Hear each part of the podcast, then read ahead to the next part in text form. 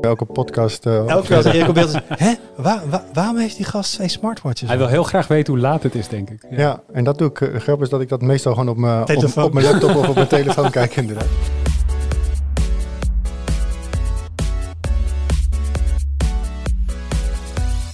Hoi, leuk dat je luistert. Welkom bij een nieuwe aflevering van de Tweakers Podcast. Mijn naam is Wout en vandaag zit ik in de podcast met Arnaud Wokke. Hoi.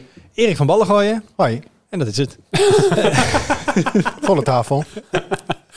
Dit bouwde op naar een anticlimax. Ja, maar dat is een soort muscle memory. Dat er een bepaalde intonatie in mijn stem zit en er komt de vierde. Maar uh, we zitten met z'n drietjes. Uh, Jur is uh, knijtersdruk aan het Q4 gameseizoen bezig. er komt onder andere Modern Warfare 2 komt eraan. Ik weet ook dat God of War ook binnen is. Dus hij zei, jongens, mag, mag ik mezelf gewoon even twee weken opsluiten... Uh, ik hoop dat hij tussendoor af en toe nog eet en doucht. Maar volgens mij is het gewoon uh, marathon sessies aan het gamen op dit moment. Af en toe gorilla langskomen om wat eten naar binnen te schuiven. Ja, precies. En, en dat is het dan ook. Dus we doen met z'n drietjes. Maar we hebben ook niet meer mensen nodig. Want voor mij gaan we het over iets hebben waar we alle drie ervaring mee hebben. En ook een, uh, een mening over hebben. Dat zijn Zeker. smartwatches. want je denkt, smartwatches, dat was gewoon weer een beetje ingestort. Nee, de smartwatchmarkt is drukker dan ooit. Mm -hmm. Um, we zijn bij de Apple Watch Series 8 aangekomen. Die hebben een Ultra eraan toegevoegd. Samsung timmert nog aan de weg. Google komt nu met de Pixel Watch. Um, daarnaast heb je natuurlijk ook gewoon sporthorloges. En wat maakt dat anders dan een smartwatch? Dan zijn er ook nog mensen die thuis heel veel pebbles hebben liggen, blijkbaar. Ik kan me niet voorstellen wie dat zou kunnen ja, zijn. Ja, dus uh, daar, daar valt genoeg uh, over te praten. Maar we gaan natuurlijk even beginnen met de highlights. Arnoud, wat is voor jou deze week het hoogtepunt? Het, het hoogtepunt voor mij is um, uh, Mel. Ik, ik, weet je, ik bouw het gewoon lekker op, net als jij dat doet. Ik bouw het gewoon op. MEL staat voor Machine Assisted Learning. En ik zie je al op je horloge kijken zo van dit is een saai onderwerp. Is het niet. Het is hartstikke leuk. Um, en dat zit zo. Uh, MEL is een is, uh, software, uh, een AI. En wat die kan doen is oude audio, die in mono is opgenomen, of in stereo, maakt niet zoveel uit, uit elkaar trekken. Dus dan heb je een oude opname, bijvoorbeeld oude muziek. Um, en dat wil je remixen, de instrumenten, de gitaar wat harder doen en de drums wat zachter en de stem wat beter en weet ik veel wat. Maar dat kan niet, want het is allemaal één opname en je kan het niet scheiden in verschillende sporen, wat je natuurlijk wel zou willen doen. En Mel kan dat wel. Dat vind ik een hele mooie slogan. Mel kan het kan wel. En, en dat, dat klinkt natuurlijk als een mooie belofte, maar het kan ook echt, het werkt ook echt goed. Um, ja, het probleem is, ik kan het niet uitproberen. Ik kan alleen de resultaten checken. Dat kun je, dat kun je zelf ook. Want uh, het eerste liedje wat ermee is uh, geremixed is Taxman van de Beatles. Die kwam een paar weken terug al uit. En die is gewoon te beluisteren op Spotify en YouTube. En dan kan je ook vergelijken met de oudere versie om te horen wat het verschil is. En Heb dan je dat gedaan? Wel. Ja, ja, ja, zeker. En wat, wat hebben ze dan veranderd nu ze alle, ja, alle, alle verschillende sporen uit elkaar kunnen trekken? Nou, wat ik vooral heb gemerkt, de gitaren klinken iets anders. De stereo, uh, het stereobeeld is iets uh, minder wijd of zo. En de drums klinken veel helderder ook. Uh, dus er, is echt wel, er zijn echt wel stevige dingen aangepast in de mix zelf. En dat kan alleen maar omdat dus die dat allemaal uit elkaar getrokken kon worden. En voorheen kon dat niet. Dan kun je niet gewoon de drums loszetten of zo. Maar dit is dus dit is iets waar je met name iets aan hebt. Voor, ik neem aan dat van dit, dit, dit nummer van de Beatles... dat daar niet de, de originele multitrack opnames nog van beschikbaar waren. Daar was alleen maar een uiteindelijke mix van... waarbij dus alles ja. ja in één laag was ingebakken. Ja, en nou, waar dit voor het eerst voor is gebruikt... was de Get Back documentaire, ook van de Beatles. Vorig jaar van Peter Jackson. Um, en wat daar het probleem was, is dat ze... Dat de, de, de camera's stonden daar de hele tijd op... En wat die leden van de Beatles dus deden, is dan gingen ze een beetje op hun gitaar en dan gingen ze praten. Zodat het op de audio niet hoorbaar zou zijn. Ze waren echt aan het jammen, gewoon een beetje... Nee, nee, nee, dit was expres gewoon geluid maken, zodat de, zodat de dialoog niet bruikbaar zou zijn. Oh, serieus? In het beeldmateriaal. Omdat ze gewoon... Maar ze, ze, ze werkten, ze werkten mee aan een documentaire opname, maar eigenlijk wilden ze gewoon de documentaire maken een beetje pesten. Nou, niet pesten, maar ze wilden gewoon dat die gesprekken niet in de uiteindelijke documentaire zouden belanden. Dus dan, dan maakten ze daar geluid over. Precies. En dus nu, nu was Mel getraind op de stemmen van, van die afzonderlijke Beatles. Konden ze die dus in de mix heel erg omhoog halen en de gitaar omlaag. Dus je hoort de gitaar dan al wel. Maar je hoort het gesprek er gewoon heel verstaanbaar en goed overheen. En uh, kon je dus al die gesprekken voor het eerst horen. Spooky. Ja, ja dat vond ik wel heel knap. Hoe en, werkt dit? Ja, geen idee. Nou, mooi. Ik heb het gevraagd. Want het was uh, uh, technologie die oorspronkelijk ook gemaakt was met een hoogleraar van een Amerikaanse universiteit. Die heb ik benaderd en gevraagd van, joh, hoe, hoe werkt dit eigenlijk? Ik ben wel heel benieuwd. Want ik kon dat nergens vinden. En toen zei hij, ja, dat wil ik je wel vertellen, maar ik vraag het eerst even aan het bedrijf van Peter Jackson, want het is van hun. En zij hebben het verder ontwikkeld en helemaal getuned. En dat had hij gevraagd en toen kwam het antwoord terug van, ja, heel leuk dat je dat wil weten. We gaan er echt geen woord over zeggen. Doei. Oké. Ja, dus uh, ik mag niet weten hoe het werkt. En oh, maar dit het tweede deel van Albert is heel recentelijk bij jou binnengekomen volgens mij. Want de laatste keer dat ik het hoorde, zei je, oh, hij gaat het navragen. Ja, hij ging, hij ging het navragen. En toen kwam er uh, woensdagochtend mail vanuit Nieuw-Zeeland dat, uh, dat hij dus echt geen woord erover mag zeggen. Desondanks wat ik wel weet, is dit is niet iets wat je gewoon op je laptopje kan draaien. Het vereist echt wel een heel serverpark om één liedje uit elkaar te trekken. Nou, je zei dus, net ook, hij was dus getraind op die stemmen van de Beatles, waardoor hij die specifiek eruit kon halen. Dus het is wel meer dan, je hebt natuurlijk ook van die karaoke-achtige software die dit al, al langer doet. En die kijkt dan gewoon met name naar bepaalde frequentiegebieden waarin menselijke stem zit. En dat filteren ze dan eruit en dat werkt vrij slecht. Ja. Um, dit, dit is dus wel echt, klinkt sowieso vrij slecht, dus dat maakt niet dat uit. Maakt niet uit. maar dit is, dus, dit is dus niet hype. Dit is wel echt, hier zit echt machine learning achter dus. Ja, hier zit echt machine learning achter. Ik vind het ook mega interessant uh, en het, het klinkt goed. En wat de producer ook zei is, als, want je kan dan met software kan je instrumenten proberen uit elkaar te halen. Wat je dan vaak hoort is dat het wat blikkerig klinkt of dat er wat geluid wat er niet bij hoort, dat dat erbij zit en zo. Um, en dat is hier dus helemaal niet. Als je dan de drums dus lostrekt, dan hoor je echt alleen de drums en voor de rest helemaal, helemaal niks. Weet je wat ik nou extra, extra jammer vind? Dat ze hier niks over willen melden. Want ik heb toch het idee dat veel machine learning algorithms en dingen met AI worden toch ook op universitair niveau ontwikkeld. En het zijn een beetje de research afdeling. Ik bedoel, Google heeft een heel leuk blog over AI. En als ze nieuwe dingen doen, gaan ze ook uitleggen hoe het werkt. En nou, we hebben het hier een paar weken geleden gehad over Stable Diffusion en, en andere soorten uh, AI image generation. Dat zijn ook allemaal dingen op GitHub.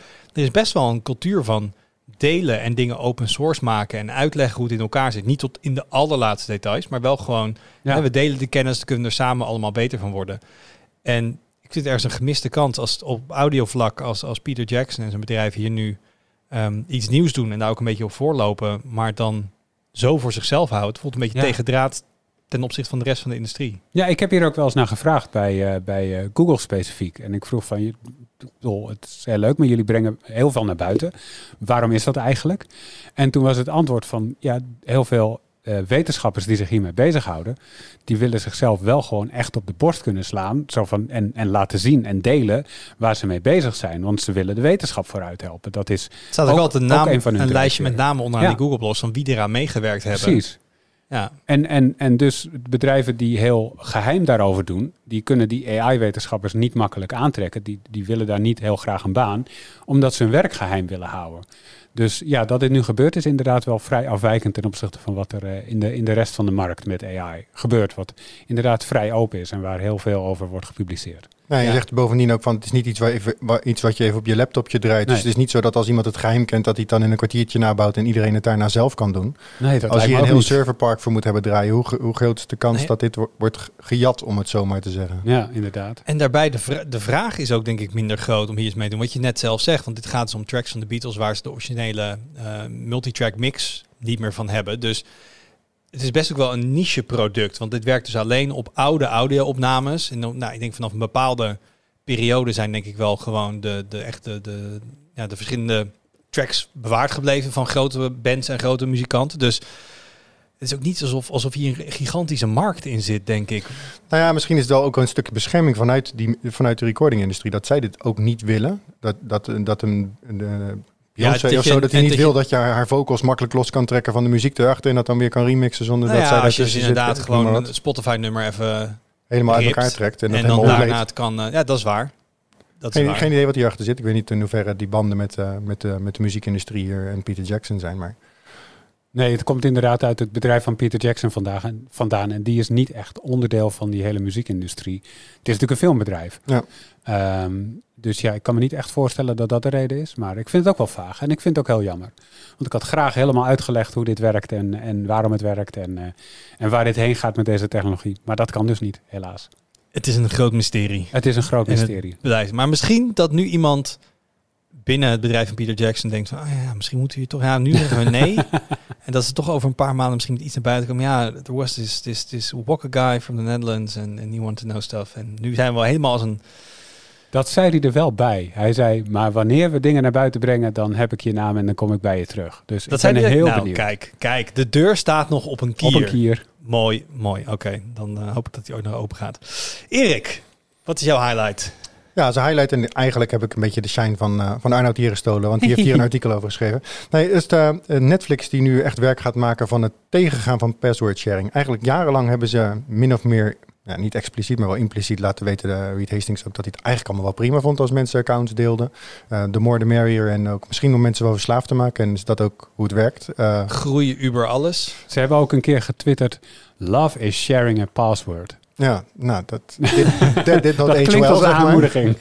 Uh, want daar lijken ze nu er toch wat van terug te komen. Waarbij ze nu dus be- be- beperkingen willen gaan instellen in waar je een account mag gebruiken. Oftewel, als je het op meerdere locaties doet, dan zeggen ze: je bent niet meer één gebruiker, je bent meerdere mensen. Uh, en de Consumentenbond heeft nu gezegd van nou, de manier waarop jullie dat, dat inrichten, dat is niet helemaal volgens de regels zoals wij denken dat, dat, uh, dat het Europees mag. Want wat ze feitelijk zeggen, en corrigeer me als ik het niet helemaal juist mm -hmm. vertel Arnold, maar is dat als jij te lang niet op hetzelfde adres bent, dat ze dan eigenlijk vinden dat je iemand anders bent. En daarvan zegt de Consumentenbond nu van nee, abonnementen mag je gewoon, zolang je eigen primaire adres je adres blijft, mag je binnen Europa gewoon abonnementen meenemen.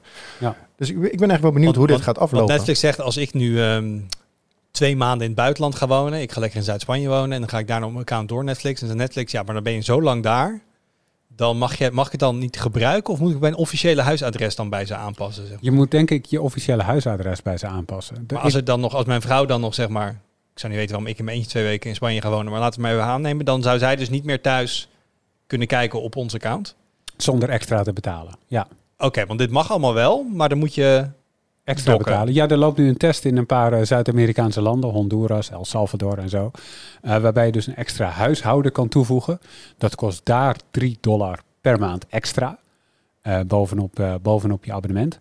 Nou ja, de, de, de, abonnementen zijn er iets goedkoper, dus dat kan in Nederland eruit komen om 3,50 of 4 euro. Nog liever hebben ze natuurlijk dat je een extra abonnement afsluit, want dat levert ze nog meer op. Maar uh, inderdaad, ja, dat is hoe dat werkt. Ik moet wel zeggen, de, de, de beperking die erbij is, ze kijken wel specifiek naar tv-apparaten en set-topboxen en zo. Als je dus vanaf je telefoon aan het streamen bent of sowieso op een mobiel netwerk zit, dan zeggen ze daar sowieso niks van. Want daarvan kunnen ze niet echt checken of je dan tot het huishouden behoort of niet. Dat is dan een stuk lastiger. Ik vraag me ook af hoe het zit als je dynamisch IP hebt. Dat gebeurt tegenwoordig volgens mij niet ja. heel veel meer. Maar als jij een provider hebt die je gewoon elke keer een ander IP-adres geeft. En ik weet bijvoorbeeld ook wel, uh, het gebeurt nu niet meer, maar ik zit al langer bij Ziggo. In het verleden was het ook wel eens dat als ik ging, ging kijken waar ik fysiek zat volgens mijn IP, dat, uh, dat mijn IP in Amsterdam was. Terwijl mm -hmm. ik zelf in Rotterdam woonde. En een week later kon het dan wel weer op Rotterdam of op Gouda staan. Denk ook van ja, hoe, hoe werkt dat dan? Ja, ik ben ja, benieuwd hoe, dit, hoe, dit gaat, hoe dit gehandhaafd gaat worden en uh, uh, of dit of, of hier wordt natuurlijk overal worden weer, uh, weer loopholes voor gevonden. Dus mensen die accounts willen delen blijven dat doen. Maar de Consumentenbond zegt hier dus van ho ho, dit mag niet. Dat, ja, die hebben inderdaad gezegd van wat jullie nu doen, dat is, dat is niet volgens de Europese regels. En, en wat mag hier dan niet aan? Als je meer dan twee, want ze willen dus als je meer dan twee weken een tv gebruikt die niet in je eigen huishouden staat, uh, dat je dan extra gaat betalen. Twee dan, weken al? Twee weken al, ja. Want dat is gewoon het, scenario.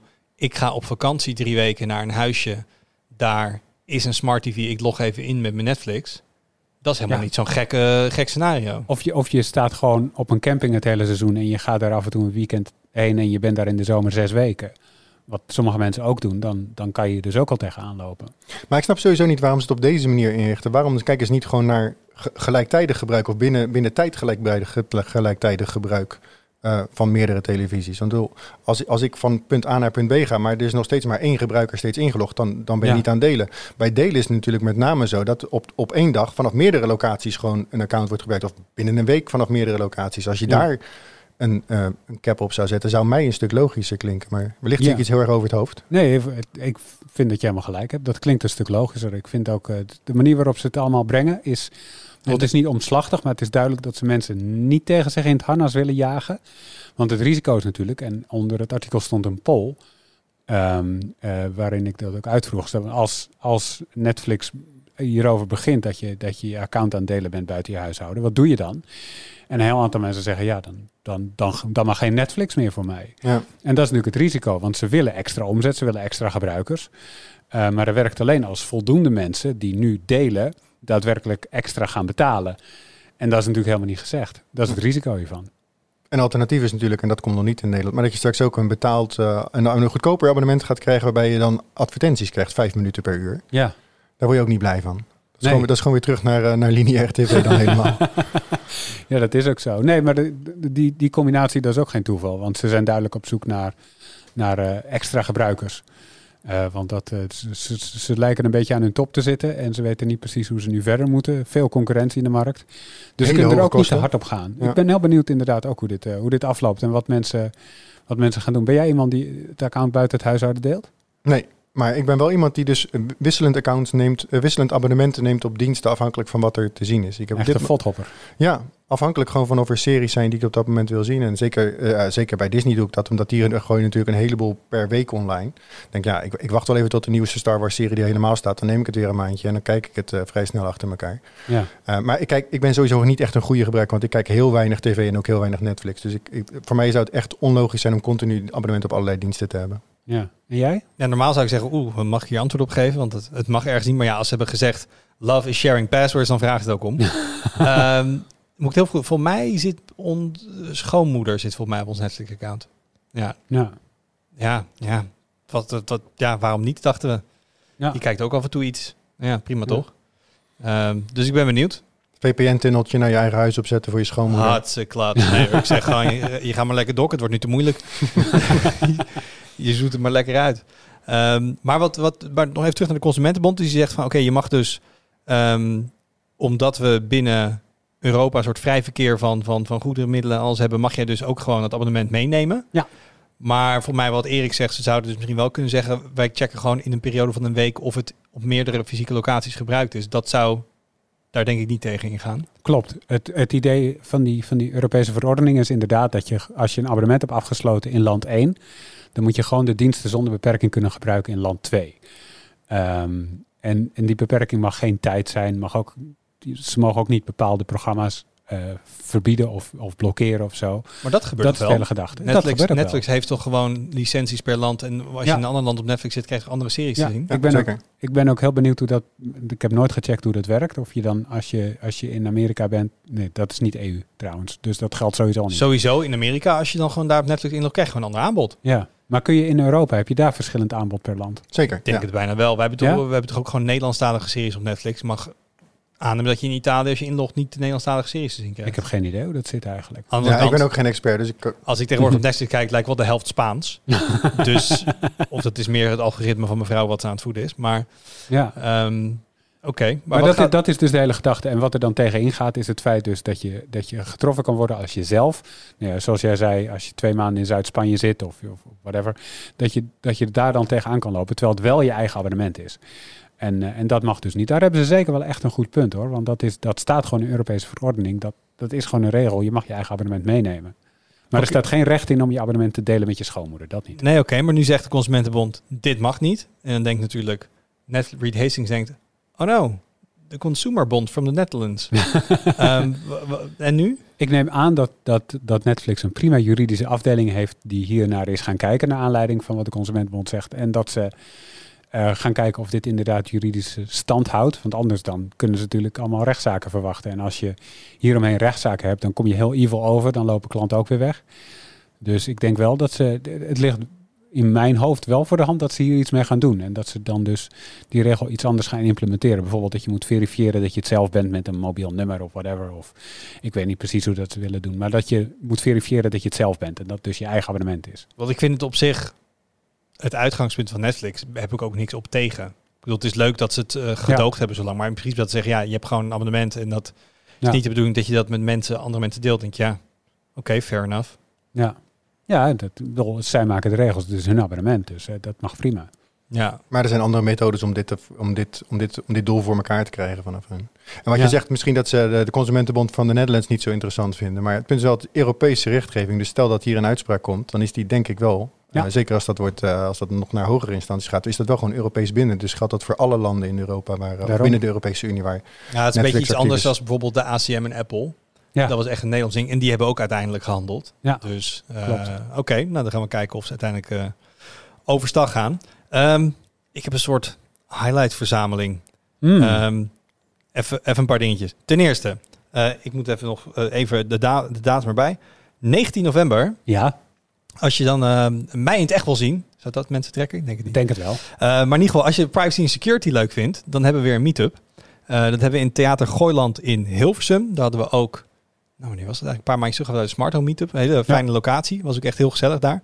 Ehm, ik weet niet al te veel van het programma. Want het leuke is dat collega Thijs, die natuurlijk op de redactie over deze twee onderwerpen of portefeuilles gaat, zich daar heel druk bezig mee houdt. En ik word enthousiast van zijn enthousiasme.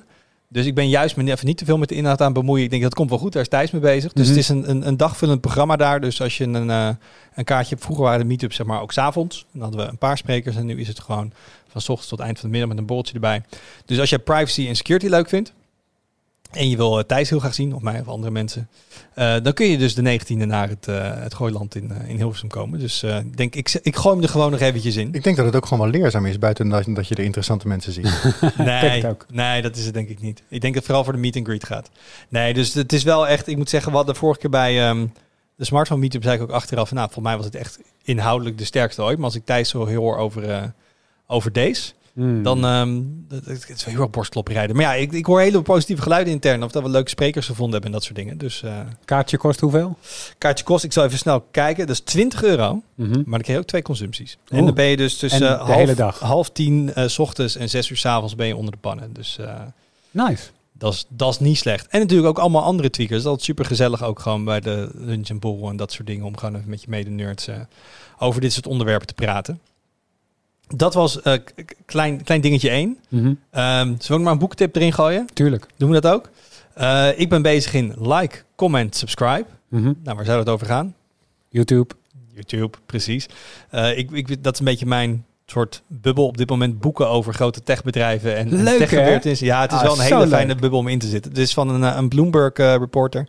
die heeft eigenlijk een boek geschreven over de ontstaansgeschiedenis van, van YouTube. Eh, ik, ben, ik heb het nog niet uit, maar tot nu toe, ik vind het heel leuk geschreven. Het zijn heel veel, hij heeft duidelijk goed zijn research gedaan. Eh, veel eh, ja, inzichten en ook veel beschrijvingen van situaties, hoe het toen echt ging, zeg maar. Dus hij heeft duidelijk met veel mensen gesproken die er toen werkten. Maar het is grappig om te zien dat iets wat nu de nummer twee zoekmachine van de wereld is. en, en waar wij als redactie heel veel mee bezig zijn. En ook nou, ik persoonlijk gewoon heel veel, toch wat uurtjes per week op spendeer. Dat het echt begon gewoon van als project van, ja, iets, iets met video's? Zoiets met video's doen? Ja, wat? Ja, gewoon filmpjes. Oh, gaan mensen zelf filmpjes uploaden? Is dat leuk? Ah, Ja, of moeten dan tv-zenders bij? Nee, doen we toch met die mensen die zelf filmpjes. Het, het ontstaansgeschiedenis is heel willekeurig. Mhm. Ehm, en dat, dat, dat is best geinig. Dat je denkt, oké, dat dat ook allemaal andere kanten op kunnen gaan. En Google had Google Video. Die hadden ook voor kunnen kiezen naar de overname om dat groot te maken. En, Ja. en nu is het niet meer uit ons leven weg te denken. Dus eh, dat, ik denk niet dat het nog eh, zeg maar de foute kant op gaat. Nu ik al een tijdje erin bezig ben. Dus ik durf het hem wel aan te raden. Dus eh, like, comment, subscribe. Eh, ik ben er met veel plezier naar aan het lezen. En ik denk, Zo, heb je iets gelezen in het boek tot nu toe waarvan je zegt van... hé, hey, dat wist ik helemaal niet, wel echt heel erg leuk? ja, er komt nu een anekdote bij me op. Maar die heeft niks te maken met YouTube. Nou, doe toch maar. Dat is dat. ehm, en het werd zo terloops gebracht. Ik, ik moet het eigenlijk nog even gaan verifiëren. Maar ja, het zal wel, het zal wel kloppen. Eh, dat eh, ze waren overgenomen door Google. En toen kwamen dus wat vaker Google executives kwamen er over de vloer. Ehm, en toen kwam Eric Schmidt een keer de vloer, de toenmalige baas van Google. En er stond er een soort bijzin waarvan iedereen wist dat hij getrouwd was, was maar allemaal relaties on the side had. Komma. En toen ging het weer verder. En Gewoon even, even terloops gedropt in want de... blijkbaar was een van zijn eh, vriendinnen, die was met YouTube begonnen en die wilde wat tips over hoe ze kanaal kon laten groeien. En zei hij, oh kom maar mee, dan breng ik je even bij YouTube headquarters langs en dan kunnen ze je daar wat tips geven. Dat was zeg maar de anekdote, maar het was echt een één alineaatje. En ik zo, Erik Smit is een swinger? Of wat, is, wat, wat wordt hier gezegd, zeg maar? Dus het is misschien wel gek dat dat nu de, de, de, de grootste... Nee, dus dat was wel iets wat opviel. En voor de rest, ja, dat het gewoon een enorme cultuurclash was. Uh, Ja. En dat vind ik wel interessant natuurlijk. Want het was echt wel een, een, echt zo'n start-up bedrijfje. En we gaan helemaal niks dingen controleren. Ads gaan we nooit doen, dit en dat. En het gaat echt over dat internetgevoel. Hier gaat gewoon gratis dingen erop. Ja, en toen kwam Google. En toen de eerste paar jaar was dat ook heel erg gecultiveerd. Nee, je moet gewoon lekker voor die groei. Het moet allemaal leuk zijn. Tot ze op een gegeven moment gewoon binnenkwamen. Uh, Oké, we care about profit now. Ja. Dus vanaf nu alle pijlen op winst maken. En toen ging opeens alles anders. Werden marketingmensen binnen geduwd. Ja, en toen zag je ook wel dat het echt ging schuren met de oprichters. En ik bedoel, nu is het voor mij wel winstgevend voor Google. Dat mag ik voor ze hopen. Ja, maar dus heel lang is dat niet geweest. Dat had ik geen idee hoe. Um, En er komen ook allemaal namen voorbij. Dat je denkt, oh, zat hij er toen ook op? Zeg maar ja, iJustine wordt genoemd. Nou, die is gewoon nog actief als, als, Ja. als, als tech-YouTubester, zeg maar. Eh, maar ook gewoon namen van ik, oh ja, tien jaar geleden keek ik daar ook wel eens een filmpje van. Het is ook wel een soort van trip down, down Epic memory. Mealtime en dat soort dingen. Of, uh, dat Nee, wie was het nou? Lisa Nova of zo? Ik weet niet. Het maar was ook een of andere YouTubester. Nou ja, anyway. eh, leuk boek. Mhm. Dat wilde ik ook even gezegd hebben. Gaat ook op mijn lijst, zeker. Ehm, nou, dan heb ik nog één dingetje op lijst. Welke zou ik kiezen? Ja, ik ga dan ook voor, nog voor de game tip dan. Sure, Zal ik de game tip doen? wat je wil. Eh, ik zei het net even tijdens de lunch. ehm, hoe heet het? Ehm, het wordt een soort van Wouts, eh Wouts late to the party hoekje dit. maar ik heb, eh, ik heb zo'n aanbieding voor mijn neus bij in de Google Play Store van eh, Play Pass. Dat Ja. je zeg maar dus, dit was dan twee tientjes voor een jaar of zo. En dan heb je allemaal games die normaal betaald zijn, die kun je dan gratis spelen. Eh, en toen kwam er een game langs, heet Evoland. En dat had ik ooit wel eens van gehoord, maar toen waarschijnlijk moest ik er toen voor betalen, dacht doe ik het niet. En denk, hé, hey, nu is hij gratis, laat ik hem maar spelen. En het concept vind ik heel grappig. Het is een, een, een, een RPG. En de stijl van de game verandert dus hoe, naarmate je verder in de game komt. En het gaat eigenlijk de geschiedenis van de RPG-games franchise door. Dus je moet voorstellen, helemaal in het begin is het super pixelig, 8-bit, eh, Super Nintendo-stijl of Nintendo-stijl. En richting het eind krijg je 3D-graphics, meer richting Final Fantasy, PlayStation, dat soort dingen.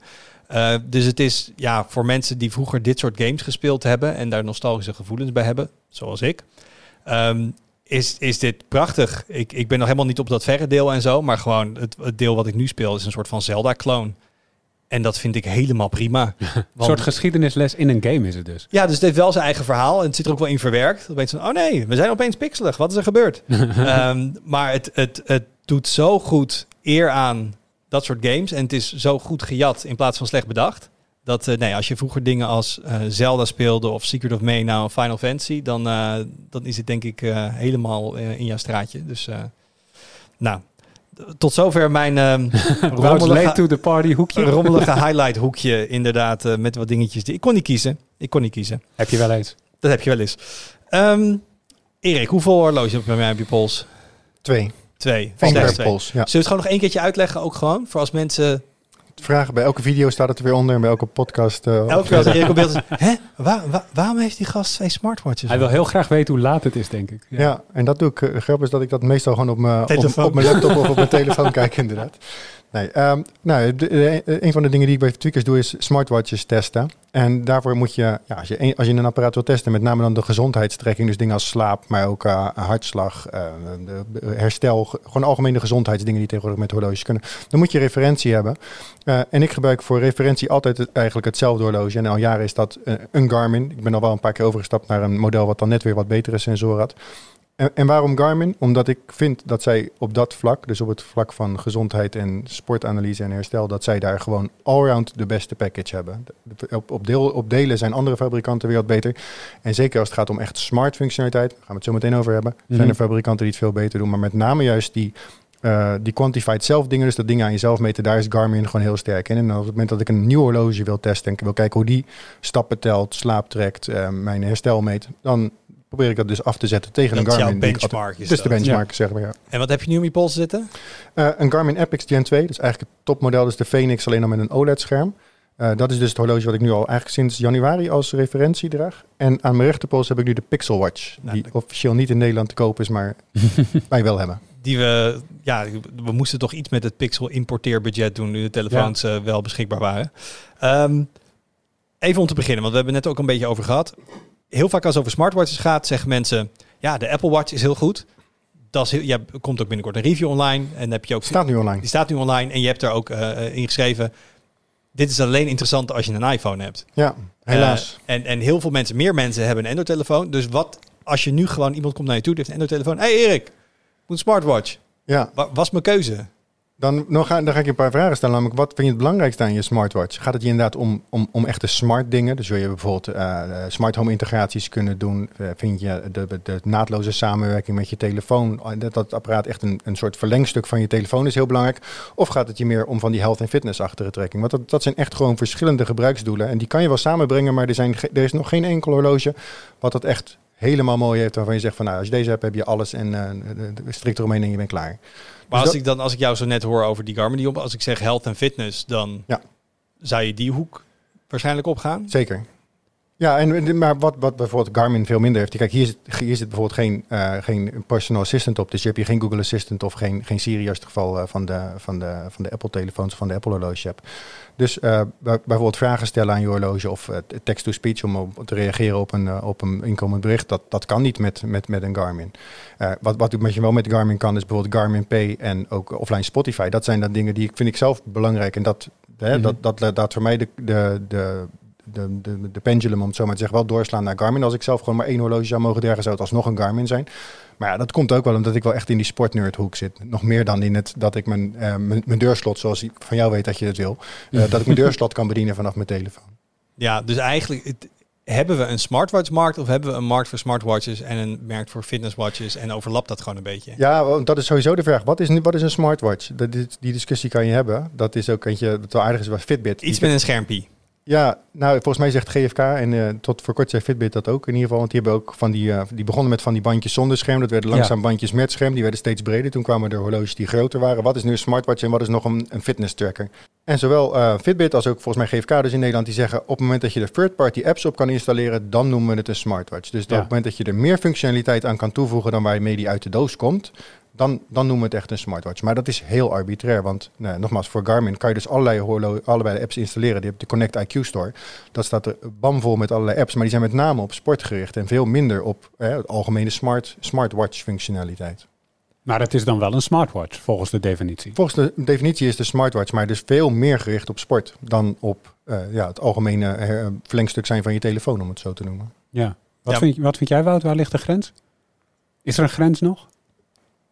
Oeh, ik, ik vind het helemaal niet zo gek hoor, wat de GFK doet. Ik bedoel, als je inderdaad niks... Laat ik me even anders zeggen. Wat vinden wij een smartphone? Is dat ook het, het kunnen installeren van third-party apps? Ja, dat ik zou vind, ik wel Ik vind helemaal geen gekke. Um, en ik vind een Garmin ook hartstikke hard een smartwatch. Alleen, ik denk wel dat je daar gewoon binnen smartwatch dan een beetje de, een onderscheid krijgt tussen fitness gefocuste dingen. En we komen misschien zo op, maar zo'n Apple Watch Ultra, ja dat is smart en het smart gedeelte werkt goed, maar ze gooien ook heel veel tijd en moeite in het, in het fitnessdeel en zo. Dus dat, dat schuift er wat meer naar het midden op. Dus ja. de vraag is alleen een beetje, bestaat hier nog iets naast? Uh, ik, ik, kijk even naar de persoon hier naast mij. We hebben smartwatches en we hebben fitnesswatches. En uh, ik weet dat jij een groot fan bent van de Pebble, die niet Zeker. meer verkocht wordt. Was dat een smartwatch? Ja, want je had gewoon apps die je kon installeren en, en watchfaces en alles. Dus ja, je kon de functionaliteit uitbreiden. Ik praat in de verleden tijd, want die hele store is... Ja, hij bestaat nog wel. De Rebel Store bestaat nog wel. Dus uh, je kan het nog steeds. Maar er zijn bar weinig eigenaren nog. Ik heb hem zelf ook niet meer op mijn pols zitten. Ik heb er nog wel vijf. Uh, maar je draagt ze niet elke dag? Nee, uh, ik, ik, want voor mij de belangrijkste functionaliteit was zien hoe laat het was, vooral op de fiets. Uh, muziek bedienen zonder dat ik naar mijn telefoon hoef te grijpen en notificaties lezen zonder dat ik telefoon uit de zak hoef te halen. Uh, maar toen kwam corona en, en ging ik heel veel thuiswerken en daar is dat toch een stuk minder nodig dan als je onderweg bent en vooral op de fiets zit. En nu dat weer een beetje terug is, heb ik hem wel eens om. Eigenlijk vooral in vrije tijd. Op werkdagen eigenlijk vrijwel nooit, want dan heb ik het nooit nodig. Dus ze liggen daar gewoon weet je wel, mooi te wezen. Ik heb een mooi dekje voor gemaakt in mijn nacht, uh, nachtkastje. Daar, daar, liggen ze allemaal mooi uitgestald. De hele collectie? De hele collectie. Ja, sommige mensen hebben daar misschien uh, de, de, de, een, juwelen liggen of een dildo of whatever. Ik heb daar mijn pebbles liggen. En, uh, en ja, dan pak ik er af en toe eentje waarvan ik denk, oh ja, dit, vandaag is wel echt een dag voor een, voor een pebble time round. Hou je wel een beetje de, de, de accu's in uh, ja. op een bepaalde state of charge? Dat ze ja, ik heb, daar ook, uh, ik heb daar een gat aan de achterkant van de laden, wat snoertjes doorheen, zodat ik ze kan laden. Ja hoor, ik ben keurig, helemaal voorbereid. Ja, maar je zegt nu, ik heb ze niet echt meer nodig, dus af en toe, af en toe draag ik ze. Dus jij zit heel erg vanuit de, de, heb ik het nodig of niet? Ja. Um, niet van, ik vind het gewoon leuk, gadget op mijn pols. Nee. Je, je hoeft ook niet nodig te hebben. Nee, het is, nee, ik wil de functionaliteit uithalen. Ja, ik draag het niet als, als sieraad of zo. Nee, het, het, moet wel echt functies hebben. En die gezondheidsdingen, hartslag meten en stappen tellen, dat interesseert me dus echt vrij weinig. Uh, de sonologie heb ik niet nodig. Dit is echt letterlijk alles wat ik nodig heb en niks meer dan dat.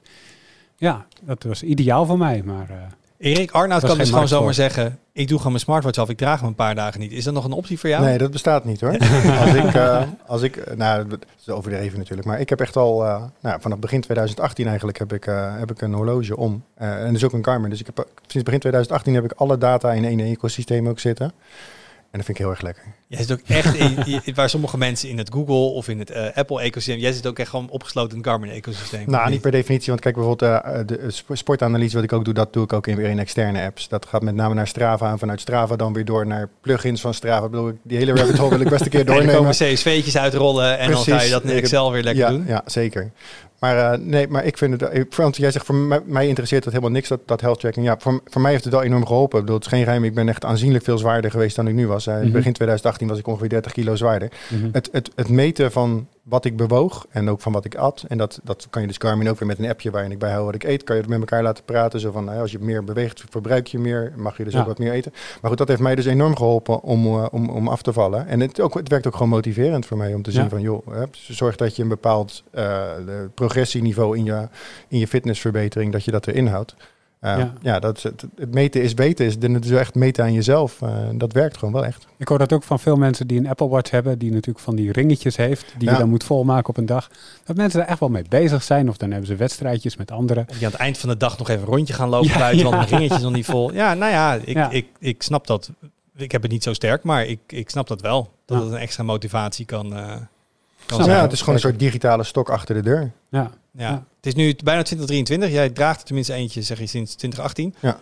Wat zijn nou, waar zitten de grote ontwikkelingen in deze markt? Want ik was denk ik acht, negen jaar geleden al een keer op Google I.O. En toen was er al een LG G-Watch. En toen had je dus al, de Pebble was er destijds. Ik bedoel, smartwatches zijn niet nieuw. Um, maar wat gebeurt er nou eigenlijk in die markt? Er gebeurt best veel, maar het zijn allemaal steeds wel hele kleine stapjes. En het aardigste is eigenlijk, denk ik, als je kijkt naar de evolutie van de Apple Watch. Uh, daarvan zitten we natuurlijk nu in de achtste generatie. En ja. voor mijn artikel wat, uh, wat nu op, de, op Twitter staat, uh, zat ik ook weer te kijken van wat is nou elk, elk jaar toegevoegd. In het begin waren dat best wel grote stappen. Maar zeker vanaf de, vanaf de Series 5 of de Series 6 zijn het eigenlijk maar hele kleine dingetjes die Apple elke keer toevoegt. Het zit, het zit in detailverbetering. En dat geeft ook wel aan dat die markt gewoon wat volwassener begint te worden. zeker, zeker voor wat betreft Apple, die het nu, nu dus al een tijd doet. Ja, wat je ziet, sensoren worden beter. Uh, er is steeds betere machine learning, zowel op het horloge zelf, uh, algoritmes, als, als in de cloud van fabrikanten, waardoor ze met de beperkte sensoren die er toch in zitten, steeds meer over je uh, te weten kunnen komen. Ik bedoel, de horloges, dat, dat, dat, eigenlijk best wel, best wel super knap. Maar aan de hand van de optische hartslagsensor kan nu gemeten worden wat jouw ademhalingsritme is, bijvoorbeeld. ja. ja, dat soort dingen. Dat is echt, echt best wel mindblowing. Gebruikt u daar niet een microfoon voor of zo? Nee, het gaat echt op basis van, uh, variatie in je hartslag kunnen, kunnen ze dus ook je ademhaling. Je moet daar wel voor, dat de meeste horloges doen dat alleen tijdens de nacht, omdat als je overdag als je te veel beweegt, zit er te veel ruis in die data, om het zo maar te mhm. noemen.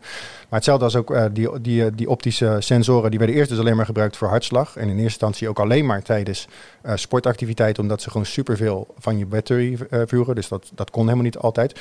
Nu kunnen vrijwel alle watches kunnen continu 24 uur per dag je hartslag meten. Uh, en dan dus ook hartslagvariaties meten, waaruit stress afgeleid kan worden. Waar ik zei net al, ademhaling kan eruit gemeten worden, bloedzuurstofsaturatie kan gemeten worden. Wat je eraan hebt, is allemaal nog een, een, volgende vraag waar we het over kunnen hebben. Maar het, het kan allemaal. En er worden dus ook wel steeds meer slimme dingen voor bedacht waar je daadwerkelijk wat aan hebt. Want waar, waar heb je wel wat aan? Want je zegt kennelijk van een hoop dingen, nou ja, zo nuttig is dat niet. Nou, ik, ik denk dat het, het zit er met name in alle losse dingen, daar heb je niet zo heel veel aan. En dat vind ik dat Apple kan daar bijvoorbeeld echt nog wel stap maken. Als je Apple Health nu opent, of Apple Gezondheid heet in het Nederlands, krijg je een hele lijst met dingen die je Apple Watch allemaal continu meet. Van, van inderdaad van hartslagvariatie tot, tot, je, tot, uh, tot de aantal keren dat je per minuut ademt s'nachts. Maar daar komt eigenlijk niet iets uit waarvan ze zeggen van, hé, hey, je moet misschien vandaag even wat rustiger aan doen. Uh, terwijl bijvoorbeeld merken als Fitbit doen dat voor, voor, voor algemene gezondheid wel veel beter. Die geven bijvoorbeeld een slaapscore aan het eind van je nacht. En dat is dan niet alleen op hoe lang je hebt geslapen, maar ook welke slaapfases, wat je hartritme variabiliteit was. Uh, en, daar kan je dus uit opmerken. Of uit te halen van ik moet deze dag misschien even ietsje rustiger aan doen dan de dag hiervoor. Of ik moet vanavond even iets eerder naar bed om wat in te halen. Want anders ga ik tegen mijn limieten aanlopen. Nice. Dus vooral de interpretatie van de data. Want je kan inderdaad heel veel meten, maar dan heb je een bak data. Ja, ja, dat is altijd. Ik bedoel, data op zich is natuurlijk hartstikke leuk. En daar kan je maar Excel-tabellen van maken. Maar daar kan de gemiddelde mensen helemaal niks mee. En zelfs, zelfs voor mijzelf, ik denk dat ik dit boven gemiddeld leuk vind. Maar als ik naar. dat denk ik ook wel. Ja, ja, ik maar als ik bijvoorbeeld naar de, naar de data van Apple Health kijk, denk ik ja. Um, wat moet ik hier nu precies mee? Wat is het overal het grote plaatje wat ik hieruit moet halen? Terwijl bijvoorbeeld een Fitbit zegt van, joh, je slaapscore was slecht. En dan weet ik, oké, nou misschien moet ik vanavond even iets eerder naar bed gaan. Uh, misschien mijn telefoon iets eerder wegleggen voordat ik ga slapen. Dat soort tips krijg je dan ook bijvoorbeeld. Het is allemaal een beetje aan het handje meenemen. Kan je zeggen van, ja, dat vind ik allemaal kinderachtig. Maar het helpt wel Uh, en hetzelfde met, uh, met Garmin doet dat heel erg op sportniveau. Die kijkt heel erg naar van, oké, als je gisteren een zware sportprestatie hebt geleverd, je hebt vannacht slecht geslapen, dan heeft dat misschien met elkaar te maken. En dan zeggen we nu, je trainingsfitheid voor vandaag is gewoon lager. En, en Garmin kan ook per dag aangeven wat voor soort training die voor je, voor je voorstelt. En als hij dan ziet dat je slecht hebt geslapen, dan past hij ook gewoon je training voor die dag aan. Of zegt hij van je moet nu even helemaal niks doen om, om niet in, de, in, in de rood te komen. Een persoonlijke coach. om je, om je pols. En het kan vast beter met een echte personal trainer die dat allemaal interpreteert. Maar ik moet wel zeggen dat mijn ervaringen met bijvoorbeeld wat, wat Garmin nu dus de laatste tijd aan, aan, aan coaching geeft. Ik heb dat nu een tijdje gewoon voor de grap gevolgd. Wat zij dus zeggen van dit zou je als workout moeten doen. Ja, het, het werkt wel. Ik word er niet langzamer van met hardlopen in ieder geval, laat ik het zo nee, zeggen. ik vind zelf wat dingen als bijvoorbeeld uh, hartslag in, in rust, zeg maar, je resting ja. heart rate, dat zegt ook echt iets over gewoon je, je belastbaarheid en, en ook bijvoorbeeld stress als je gewoon constant, ook als je niks aan het doen bent en rust je wel genoeg uit. En ik merk ook daar echt wel verschil als ik een tijd... Um, ik merk dat als ik gedronken heb, als ik bijvoorbeeld uh, veel alcohol drink de komende twee dagen, dan is gewoon, dan zie je gewoon dat je lichaam een beetje van slag is, zeg maar. Ja. Uh, dat soort kleine dingetjes. Nou, dat, dat, heb je er wat aan? Ja, wat je zelf zegt, ligt ook heel erg aan ding. Maar ik vind ergens het kunnen zien op zichzelf is ook wel interessant. Hey, maar er, gebeurt dus wel wat qua ontwikkeling. We hebben eigenlijk twee soorten, uh, soorten horloges. Je hebt de, de fitnesswatch en de smartwatch. Dat, dat groeit naar elkaar toe. Hè, want ik denk wel dat je ja. kan zeggen dat een Garmin steeds slimmer wordt qua smartwatch deel. En de andere dingen steeds meer fitness doen. Zie je dat op een gegeven moment echt gewoon mergen, zeg maar? Of, of denk je dat dat altijd... Want Garmin kan op een gegeven moment ook zeggen... oké, wij zijn heel goed in die software, in die app... Zij kunnen ook een Android Wear horloge maken met een Garmin app. Ja. Uh, en dat allemaal gewoon op Android baseren. Ja. Dat je gewoon kan meeliften op al die smart dingen. En dan kun je al hun mooie inzichten kunnen ze doen. Ja, nou dat is eigenlijk dat is grappig dat je dat zegt. Want dat is een beetje wat er nu met Fitbit en, en Google is gebeurd natuurlijk. Google heeft eigenlijk gezegd, we pakken de, de Fitbit fitness dingen, die stoppen we op, op, op Wear OS. Um, en waar je vroeger dus een Fitbit horloge had, wat niet zo, ja, ik kon wel wat apps installeren, maar was gewoon niet zo slim als wat nu de, de Pixel Watch is. Um, grote verschil met die Pixel was, die deed het makkelijk zeven dagen op één, op één acculading. Nou ja, mijn ervaring met de Pixel Watch tot nu toe is wat minder rooskleurig, laat ik het zo voorzichtig zeggen. Ik heb nog niet heel erg lang uh, in test op het moment dat we dit lezen, maar uh, met een dag is het wel op tot nu toe, wat, ik, wat ik merk. En dat, ja, ik vind dat zelf dus eigenlijk te weinig. Daar kan je allerlei discussies over hebben, wat, wat, een, wat een fijne de accuduur is voor een smartwatch. Maar ik vind eigenlijk minimaal twee dagen, vind ik, vind ik zelf de minimum. Maar even los van hè, of het dus naar elkaar toe groeit. Ja. Uh, Pixel Watch is denk ik ook een, een nou, eerste generatie product. Ja. Niet zo'n goede accu. Hij is heel klein, zit een klein accu'tje in. Als je kijkt naar een, een moderne Samsung smartwatch bijvoorbeeld, die Ja. gaan vaak al wat langer mee. Z- zie jij Garmin ooit zo'n switch Ja. maken? Of is er voor, voordeel voor Garmin om echt eigen software, eigen ecosysteem, om het helemaal zelf in de hand te houden? Want dan gaan ze waarschijnlijk nooit qua smart features helemaal op hetzelfde niveau komen als een Apple of een Android Wear, denk ik. Want dat is niet hun primaire business. Ik denk niet dat zij dat willen, maar het grote probleem is ook gewoon al die smart features, die, die zijn allemaal niet gratis. Dat probeer ik net ook te zeggen met, de, met, de, met, met Wear OS. Het is natuurlijk veel slimmer ecosysteem. Heb je ook een, een assistant die daarin zit. Bij- Bij de, bij de Apple Watch ook eh, wordt daar eigenlijk continu naar het weekwoord voor hun assistenten geluisterd. Dat kost allemaal heel veel stroom. Gewoon. Er is ook niet voor niks dat Apple, ondanks dat ze hier al jaren mee bezig zijn, eigenlijk nog steeds op die all day 18 uur zitten. Ja. Hoe, hoe meer features je erin stopt, hoe meer dat ook gewoon van het horloge vergt. En eh, Garmin wil dat gewoon niet. Die zeggen gewoon onze, onze doelgroep, die wil gewoon een horloge wat vier tot zeven dagen minimaal meegaat. Eh, die wil niet aan het eind van een dag aan de lader moeten. Dus het is, is echt afweging maken. En, en, en, wat ook bijvoorbeeld voor Garmin geldt heel erg, is zij willen eh, ook heel low level met andere apparaten kunnen connecten. Een Garmin horloge kan je, kan je verbinding maken met, met vermogenspedalen aan je, aan je fiets via aan plus en bluetooth. Dat kan met een, eh, met een Apple Watch ook wel, maar dat zit allemaal wat hoger in, de, eh, in het besturingssysteem. Dat werkt gewoon wat minder foutloos. Bij, bij Garmin werkt dat soort, app, werkt dat soort samenwerking met externe, met externe sensoren en externe bronnen. Dat werkt gewoon eigenlijk altijd perfect. Want mijn ervaring met de Apple Watch is dat dat, dat, dat hit en miss is. Hey, als je dan kijkt naar bedieningen, hè, en de ontwikkeling die we daar zien. Als je naar Garmin van een paar jaar geleden, dat was nou, lelijk beeldscherm. Ja. Transactief LCD'tje met alleen maar knoppen, geen touch. Maar daar zie ik wel dat dat meer richting smart gaat. Met zelf, je hebt nu een OLED-scherm erop zitten. Dat wordt Ja. ook touch tegenwoordig. Is het, zie je daar wel qua interface en zo het wel naar elkaar bewegen? Nou, je ziet wel dat Gar- Garmin probeert uiteraard wel een bredere doelgroep aan te spreken. En zij hebben, Garmin heeft gewoon echt superveel horloges. Er is geen enkel bedrijf wat zoveel verschillende eh, varianten en series heeft als, als Garmin. En Garmin heeft dus echt horloges die zijn echt gericht op diehard sporters. Eh, en horloges die meer gericht zijn op een mainstream publiek. En dan sommige die een beetje die crossover zoeken, zoals bijvoorbeeld deze Epix, is eigenlijk gewoon de, de Phoenix, wat hun triatletenhorloge is. Alleen dan bedoeld voor een wat bredere doelgroep, dus met een touchscreen en met, met OLED. Nadeel is dus wel, als je deze dus vergelijkt met de, met de Phoenix. Deze heeft dus of geen always on, of het kost je veel accu. Eh, waar de Phoenix gewoon acht dagen makkelijk meegaat, is als deze always on aanzet, is het vier. Dus je bent bijna de helft van je accuduur bijvoorbeeld. Maar je hebt Dus, hier wel voor gekozen. eh, dit, is een, dit is een loonmodel van Garmin. Oké. Zou Dus- je jezelf voor met je eigen, Ja, ik zou zeker een, een Phoenix kiezen zelf. Die dus langer meegaat? Die langer meegaat, ja. En dan maar geen mooi scherm. En dan maar minder mooi scherm, ja. Want ook, het, het mooie is natuurlijk ook, het, is, het gaat om functionaliteit. Apple, eh, nee, Garmin kiest niet voor dat transflectief omdat dat minder mooi is of omdat het goedkoper is dan, dan OLED. Maar omdat eh, naarmate daar meer licht op valt, buiten dus, wordt Ja. het juist beter afleesbaar dan OLED. Wat gewoon, ja, hoe meer licht erop valt, hoe het moeilijker het eigenlijk wordt. En hoe feller die moet kunnen en hoe meer accu dat weer kost. Precies, dat dus. Ja, terwijl een transflectief kost heel weinig energie, dus dat is fijn. Eh, En in, in, in veel zonlicht is er niks beter afleesbaar dan een transflectief scherm. Ja. Maar waarom, waarom kiezen ze dan wel voor een touchscreen als, als, als bediening? Dat is dus een van de dingen die me aan smartwatches eh, tegenstaat. Is eh, dat je dan de hele tijd naar het schermpje moet kijken en met je andere hand moet gaan priegelen. Eh, op een, op een eh, wat meestal een vrij klein scherm is. Dat is ook niet fijn. Nee, dat is ook. Ik vind het als gebruikservaring. Ik heb het geprobeerd. Ik vind het gewoon echt niet fijn. Ik snap niet. eh, snap jij waarom ze dat doen? Wie, wie- maar wie bedoel je met ze? Nou, Garmin heeft nu dus ook eentje met OLED touchscreen. Apple doet het al sinds het begin. Eh, en eigenlijk alle smartwatches zijn daar naartoe gegroeid. Ik zie nog, kennelijk die sportmodellen hebben nog een transflectief scherm. En voor de Ja. rest valt mij niks meer. Even ook weer vergelijk met de Pebble. Die had gewoon knoppen aan de zijkant Ja. en daar deed je alles mee. En Ja. volgens mij, sommige Garmin zonder touchscreen zijn ook 100% via knoppen bedienbaar. Ja, nou, deze is dus helemaal via knoppen bedienbaar. Sterker nog, ik heb een touchscreen uitstaan, omdat ik vind het Ah. vervelend. Dus de- deze Garmin heeft gewoon nog steeds vijf knoppen. Ah, nice. Maar je hebt ook een Vivo Active serie bijvoorbeeld, of de, ehm, de Venue serie, die hebben veel minder knoppen. Dus dan, dan ben je al veel meer op dat touchscreen aangewezen. Ehm, maar ja, inderdaad, ik, ik denk dat fabrikanten het met name doen, omdat een touchscreen is natuurlijk, daar zit geen leercurve aan. Je, je ziet gewoon letterlijk waar je op moet klikken. Terwijl voor zo'n Garmin, ja, dit is best even wennen. Ik, wat ik zeg, ik loop nu sinds 2018 mee, dus ik kan, ik kan letterlijk zonder, zonder naar het scherm te kijken de apps openen en, en precies de dataschermen voor mijn neus toveren die ik wil. Maar dat, je moet er wel even aan wennen. Terwijl bij, bij een Apple Watch of bij een, eh, bij, bij, een, eh, bij een Pixel bijvoorbeeld, als je die nu voor, voor het eerst gebruikt, ja, binnen vijf minuten ben je eigenlijk wel goed up en running. En ik moet wel zeggen dat Apple met... eh, ik moest enigszins lachen, vond het een beetje cynisch. zo, We hebben de Digital Crown uitgevonden. Ja, dat is gewoon, zit altijd op horloges.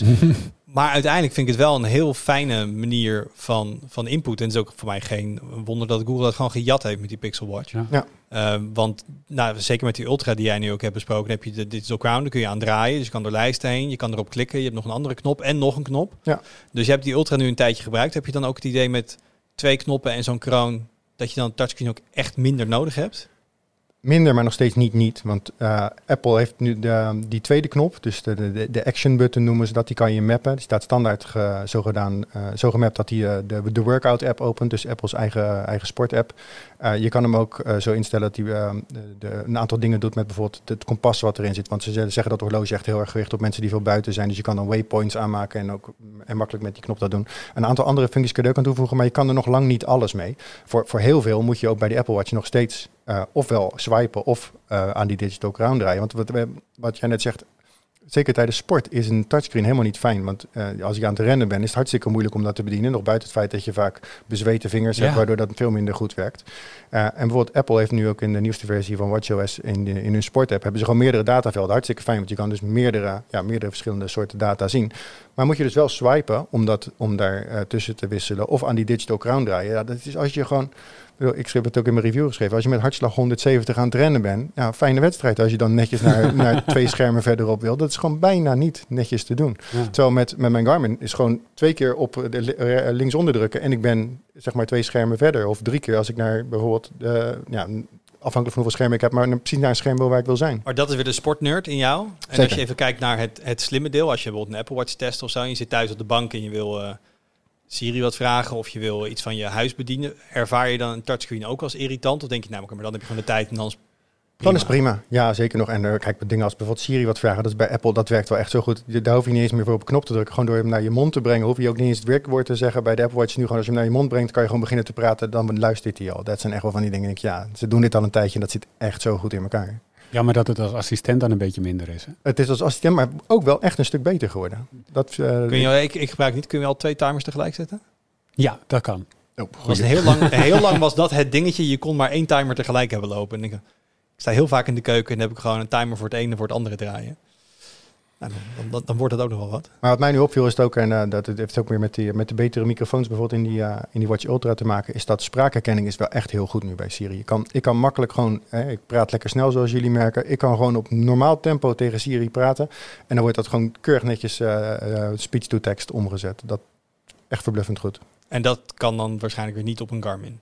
Nee, die heeft geen microfoon. Mhm. En als je gewoon, en kun je überhaupt op berichtjes reageren op een Garmin, ook met een touchscreen? Ja, uh, het makkelijkste wat Garmin standaard heeft is van die, van die shortcut antwoorden. Dus ja, nee, je kan even niet praten, dat soort dingen. En afhankelijk van de app kan je ook op andere manieren wel tekst invoeren. Maar ja, dat wil je niet. Dat is gewoon, dat is gewoon niet fijn. Dan, kan je, dan is het echt veel sneller om je telefoon uit je zak te pakken en het op die manier te doen. Ja. Even, helemaal terug naar de beginvraag. Want toen hadden we het erover, stel nou, hè, als je een iPhone hebt, is volgens mij heel makkelijk, neem een Apple Watch. Uh, ja, uh, of je moet een supersporter zijn zoals jij. Ja, want uh, ze zeggen nu dus zelf Apple dat ze met die Watch Ultra zich ook echt richten op die, op die ultra sporters. En dus mensen die triathlons doen, maar ook mensen die heel lang in de, in de, in de bergen gaan hiken en zo. Nou, dat, dat, ze hebben het horloge dus ook echt aanzienlijk more durable gemaakt, zoals dat in mooi Engels heet. Dus het scherm ligt niet langer bovenop de kast, maar valt in de titanium behuizing weg met een rand eromheen. Het scherm is altijd van saffierglas, de behuizing dus altijd van titanium. Dus hij is echt wel een stuk steviger. De digital mhm. crown ligt nu ook verzonken, waardoor die minder snel, ja, dat je minder snel tegenaan kan stoten. Uh, en het belangrijkste voordeel van die, van die nieuwste Apple Watch Ultra is dat de accuduur ook echt veel beter is. Eigenlijk gewoon bijna twee keer zo goed als van normale Apple Watches. Uh, dus dat is voor die duursporters dan wel weer fijn. Maar ik denk als jij, uh, als het met je met name om sport gaat en je hebt een iPhone, ja, dan zou, en, en afhankelijk van hoe je erin zit natuurlijk. Maar ik zou ook als ik een dagelijkse iPhone gebruiker was, wat ik, wat ik niet ben. Maar dan zou ik nog steeds denk ik een Garmin kiezen, omdat het qua sport en sportanalyse gewoon echt wel beter is. Waar zit dan een beetje die dat omslagpunt voor jou? Want jij, nou, ik volg je ook wel op social, wij spreken elkaar nog wel eens. Dus jij doet meerdere keren in de week aan hardlopen. Je hebt voor mij je eerste marathon gelopen dit jaar. Je zit veel op de mountainbike. Ik denk dat jij wel wat extremer bent qua soort. Maar stel je bent iemand die gewoon één of twee keer per week 5k loopt.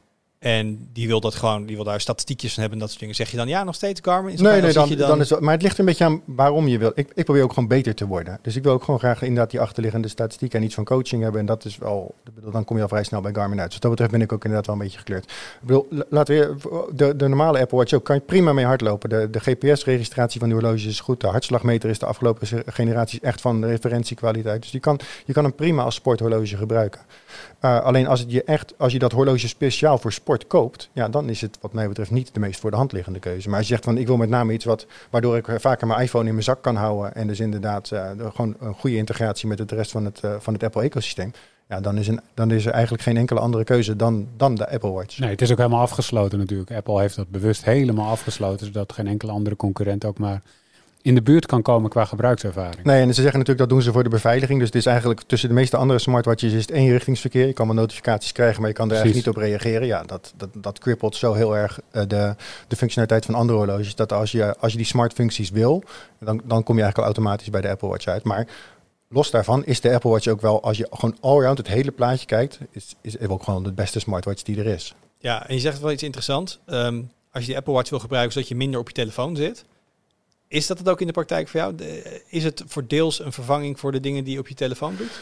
Pak je minder uit je broekzak als je een ding Ja, maar dat, bedoel, dat, is, dat heb ik dus ook al met mijn Garmin. Want wat, ik krijg hier dus ook gewoon notificaties van alles op binnen. En dat is met name wat, wat het meeste, in ieder geval bij mij triggert om mijn telefoon uit mijn zak te halen, is dat ik merk dat er iets begint te trillen in mijn zak. En dat, dat hoef ik nu 9 van de 10 keer kijken. Oké, nou ja, melding die kan ik, kan ik later wat mee. Of moet ik wel wat mee en dan haal ik hem dan de zak uit. Maar ik denk dat ik minimaal de helft van de meldingen eigenlijk gewoon negeer. Op als ik eventjes heb, mijn horloge heb gekeken van ik hoef hier nu niet, niet direct wat mee te doen. En je kan zo waar op jouw horloge de tijd zien. Dat kan ook nog, ja. Waar ook heel veel mensen hun telefoon uit hun broekzak trekken. En dan gaan ze naar de tijd kijken. En dan, oh, ik heb hem toch al in mijn handen. Oh, wacht, ik zie wat op mijn scherm. Oh, ik ga daar even iets mee doen.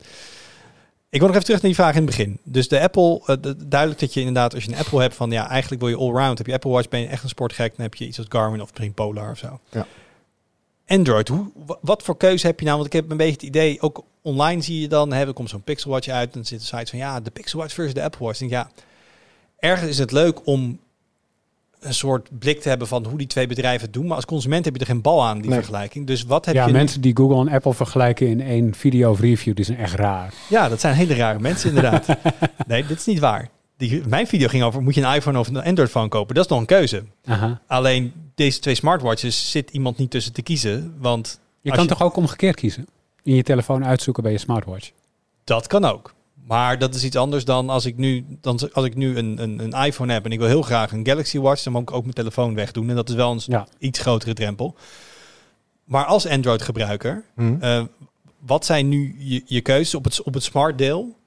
En hoe verhoudt zich dat tot wat Apple doet? Het is heel leuk om elke keer te horen. Bij Apple is het geweldig. Ja, nou, je, je, hebt een, je hebt een heel aantal mini-ecosysteempjes, om het zo maar te noemen. Ehm, je, je hebt bijvoorbeeld uh, Amazfit, heette dat vroeger, met, die, uh, Mhm. met, met hun watches. Die hebben een eigen stoortje. Ehm, Huawei heeft uh, horloges met een eigen stoortje. Uh, de eigen winkel bedoel ik dan dus. Uh, maar als je kijkt naar de grotere systemen, dan kom je dus uit bij, nou, bij, bij, bij bijvoorbeeld een Garmin, dat, wat, waar gewoon veel meer voor beschikbaar is, maar dus wel heel erg in die sporthoek.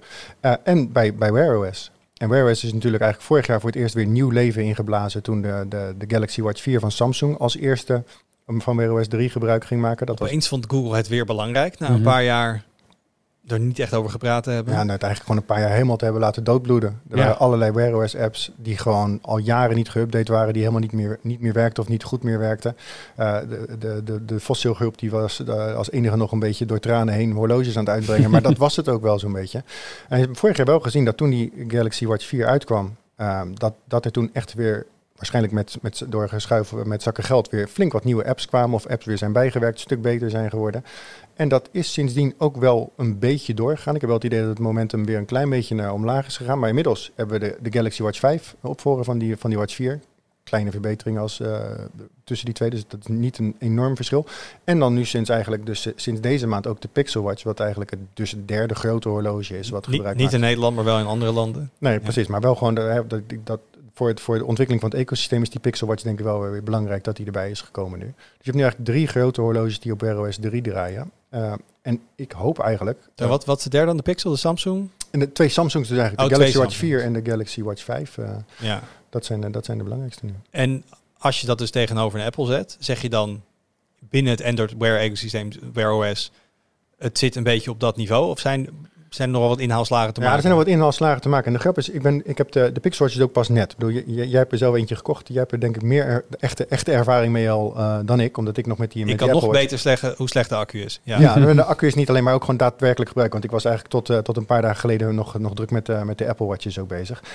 Maar tot, tot nu toe, en dat is de grap. Want ik heb wel gewoon de Galaxy Watch 4 vorig jaar en de Watch 5 dit jaar getest. Maar daarvan was eigenlijk lastig te zeggen wat Wear OS 3 nou precies is. Omdat ja. het was wel Wear OS 3. Maar met name Samsung, die, die, die, die gaf er eigenlijk nauwelijks rugbaarheid aan. En had er eigenlijk alles aan gedaan om het op Tizen te laten lijken.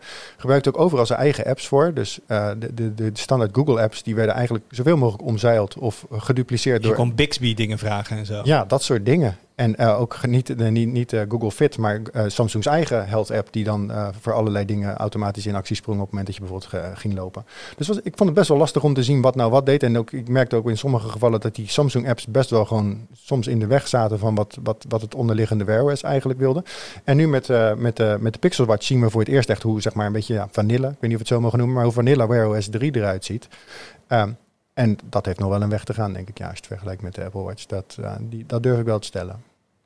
Durf je al meer te zeggen of zeggen moeten mensen op jouw review gaan wachten? Nou ja, we, we, zeiden net al, de, accu, de, accu, in ieder geval van dit horloge, maar het is ook een klein horloge, is gewoon echt niet goed. De, de Samsung is daar, is daar wel echt beter in.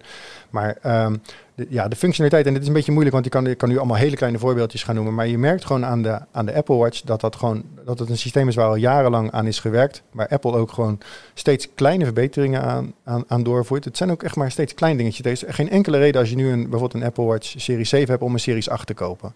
Uh, Apple doet niet aan veranderingen om het veranderen, die, die voegt gewoon kleine dingen doen op, toe op het moment dat ze denken, dit kunnen we nu doen, zonder dat het bijvoorbeeld een te negatieve impact op de batterij heeft.